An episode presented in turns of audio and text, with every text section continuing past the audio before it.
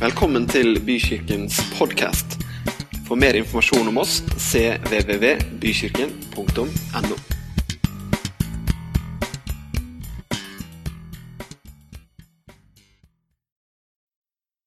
I Johannes evangeliet, kapittel 6 og vers 40, så står det Og dette er Hans vilje som har sendt meg, at hver den som tro, ser Sønnen og som tror på Han, skal ha evig liv. Og jeg skal reise han opp på den siste dagen. Charles Blondin han var en balansekunstner, en akrobat og en linedanser uten sidestykke. Han levde på 1800-tallet, og han pleide å samle store folkemengder når han skulle gå på line over Niagara Falls. De fleste andre som holdt på med denne sporten, her pleide å bruke en lang balansestang når de gikk. Men Charles han hadde kasta den for lenge siden. I 1860 skulle han ha en opptreden her for et kongelig følge. Han begynte første runden på lina med at han bare tok på seg styltene på lina. Når han skulle gå tilbake, så stoppa han halvveis stekte seg en omelett midt på lina og spiste den før han gikk tilbake. Neste runde han skulle ha på lina, der tok han med seg en trillebår. På veien tilbake tok han en sekk med poteter i trillebåra for å gjøre den enda tyngre. Når han sto på enden med folkemengden igjen, så sa han, 'Er det noen som melder seg frivillig til å sitte i trillebåra?' Det ble helt stille, og det var ingen som meldte seg utenom ei lita hånd som kom helt bakerst. Det var mora til Charlie. Og Hun satte seg i trillebåra, og den siste turen han gjorde på Lina den dagen, den gjorde han med trillebår, med sin egen mor som passasjer. Når vi ser på bildet av Charles og andre balansekunstnere som gjør lignende ting, har du noen gang lagt merke til hvor de har blikket sitt festa henne? Jeg tror ikke du vil finne en person som holder på med det her, som ikke ser rett fram. De ser ikke ned på føttene sine. På, det er jo ingen tvil om hvor det neste skrittet bør gå henne. De ser heller ikke ned for å telle hvor mange meter det er ned i fossen. Han er helt avhengig av å se langt fram og se på målet der lina slutter, for i hele tatt klare å komme fram. I hverdagen vår så er det ikke alltid like lett å være som en balansekunstner. Det å løfte blikket opp ifra våre egne føtter, ut ifra vår egen situasjon og ut ifra de nærmeste omgivelsene som vi står i. Tror du at vi noen ganger kan bli litt for opptatt av oss sjøl? Jeg har kjent veldig på det siste par ukene nå spesielt. Hva skjer med min hverdag akkurat nå? Hvor lenge kommer alt det som er rundt meg, til å få konsekvenser for meg og de som jeg er glad i? Og hvilke forutsetninger har jeg for å klare å stå gjennom denne situasjonen som er her nå?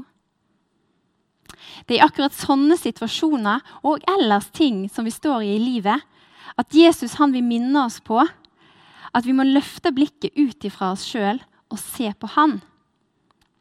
Vi har så lett for å sette begrensninger for hva Jesus kan få til i livet vårt ut ifra våre forutsetninger. Men om vi istedenfor ser på han, og hva som er mulig for han, så stiller vi med et helt annet utgangspunkt. Han vil være en del av vår hverdag, og han vil at blikket vårt skal være retta mot han. Så da har jeg vært her, vet du, innom en tur på kontoret i Bykirken, og så har jeg printa med meg Jeg er veldig glad i Jesus i sånn barnebibelutgave, for jeg bruker en del tid på søndagsskolen. Så nå har jeg 300 bilder av Jesus. Så de tenkte jeg at de skal ta med meg. Jeg skal selvfølgelig henge opp ganske mange av de inne i huset mitt. Eh, på do sikkert, og i alle fall en eh, foran TV-en, eller i fall kanskje litt over eller på sida. Jeg tenkte jeg skulle ha en i bilen, og så tenkte jeg at jeg skulle ha kanskje en på sykkelstyret. Og så tenkte jeg at jeg skulle finne ut de veiene som jeg oftest går når jeg skal til skole eller til jobb eller andre ting. Så tar jeg bare for meg liksom lyktestolpene på veien. Tror ikke du det blir bra? Fordi at da vil jo jeg liksom alltid ha Jesus i øyekroken uansett hvor jeg går. Tror du det var det Jesus mente når han sa disse ordene her?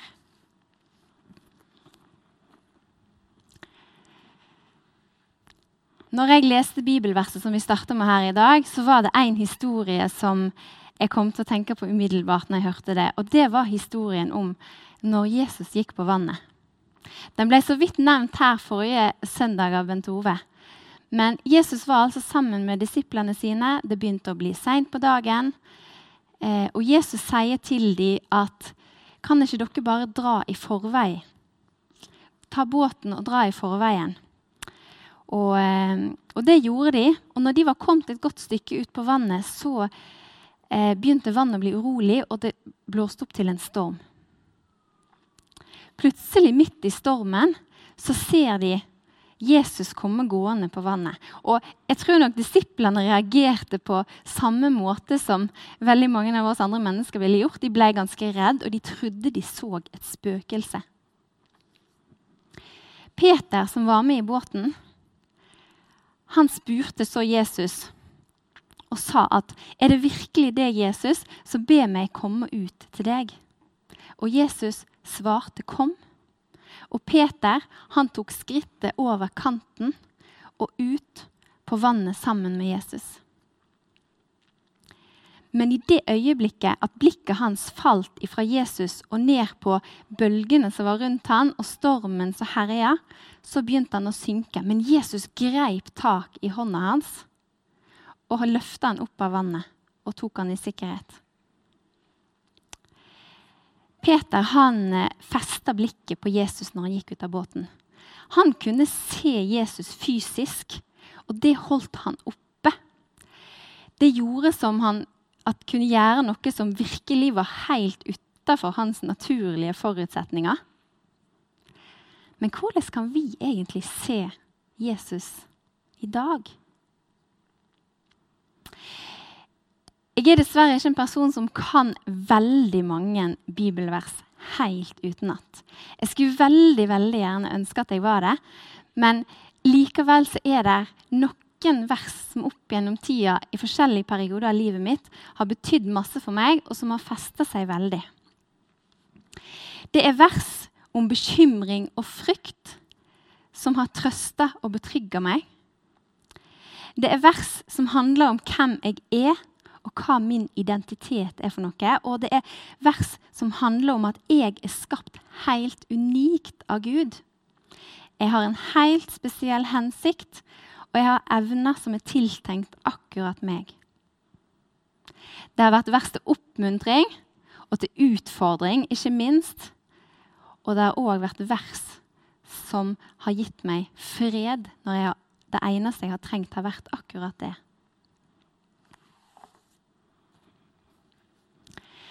Vær ikke bekymret for noe, men legg alt dere har på hjertet framfor Gud. Be og kall på ham med takk, står det i Filipperne 4,6.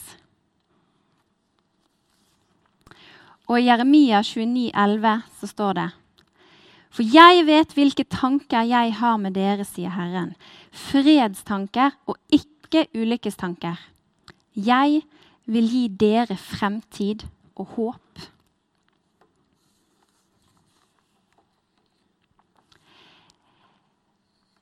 Dette er bl.a. vers som har vært med å være min måte på å se Jesus midt i den situasjonen som jeg har stått i. Disse versene har brakt med seg et nytt sett med forutsetninger inn i livet mitt. Det å feste blikket på de ordene, det har gitt meg en balanse. Akkurat som han balansekunstneren og akrobaten opplevde at når han skulle gå over fossen, så måtte han feste blikket på noe som var lenger foran seg sjøl, og ikke på det føttene som skulle gå akkurat der og da. Jeg tror at det fins mange måter at vi kan velge å se Jesus på i hverdagen som gjør at vi stiller med helt andre forutsetninger enn de som er våre egne. At vi får et annet perspektiv på situasjonen vi står i. Og at ved at vi ser på han og klarer å løfte blikket til det som er lenger foran, ikke bare se på føttene våre og hvilken vei vi kanskje ikke veit om de skal ta akkurat nå. Kanskje er det for deg sånn som det har vært for meg å, å lese i Bibelen og finne ord der. Kanskje det kan være å gå i kirke. Kanskje det kan være å være del av et småfellesskap, en life-gruppe, der du får lov til å dele liv, be sammen, og at noen kan lytte til det du har, og det du går og tenker på. Kanskje det kan være å høre på kristen musikk eller lovsang og være en del av lovprisningen. Eller kanskje det kan være for deg å gå en tur ut, kjenne på stillhet og bare faktisk ha muligheten til å lytte. Hva kan du gjøre for å se Jesus i din hverdag? Hva kan du gjøre for å la han prege de tingene som du står i akkurat nå? Hva fungerer for akkurat deg? Tilbake til Peter i båten. Så så ikke bare han på Jesus og hva Jesus gjorde, men han gjorde én ting til. Han tok òg dette her steget ut av båten. Et steg som gikk imot all sunn fornuft og definitivt hans egne forutsetninger. Men han tok det steget kun i tru på at Jesus kom til å holde han oppe. For så lenge han hadde blikket festa på Jesus, så var det mulig. I det bibelverset vi leste i starten, så står det det at eh, hver den som ser på Sønnen og tror på Han, skal ha evig liv. Det å se på Jesus det er et valg vi kan ta. Det er en prioritering som vi kan gjøre. Og vi kan gjøre en plass til det i livet vårt. Vi kan rydde i livet vårt til det å få se mer av Jesus. Men det å tro det fungerer ikke helt på samme måte. Og det er der jeg syns han, forfatteren av denne boka som vi leser om dagen, som heter 100 dager med Jesus, han sier det så fint i en av tekstene denne uka som kommer nå. Han sier det at tro er noe som vokser i takt med erfaringer og resultater. For at Peter skulle få denne erfaringen, for at hans tro skulle få vokse, så måtte ikke han bare se hva Jesus gjorde. Han måtte ikke bare se at Jesus gikk på vannet. Men han måtte ta det skrittet over kanten. Han måtte ut av båten. Han måtte få erfare sjøl det som han så. Og så lenge han hadde blikket sitt festa på Jesus, så gikk han på vannet. Ikke ut av sine egne forutsetninger, definitivt ikke. Men med blikket på Han som gjorde det mulig. Denne uka som kommer nå, så skal vi få lese noen veldig fine tekster sammen om hva det kan bety, og hvordan det kan se ut når vi gjør det her i hverdagen vår. Når vi fester blikket vårt på Jesus. Uansett hvordan det her ser ut akkurat for deg, så vil jeg komme med en ekstra oppfordring. Ikke la det bli bare med å se. Men hva er ditt neste skritt? Hva kan du gjøre for å både erfare og oppleve resultatene av det som du ser? Hva er det som får din tro til å vokse i dag? Det gleder jeg meg veldig til å høre om neste gang vi sees. Takk, Jesus, for at vi kan se deg også i dag. Takk for at du har et helt spesielt ønske om å være en del av vår hverdag og å prege den.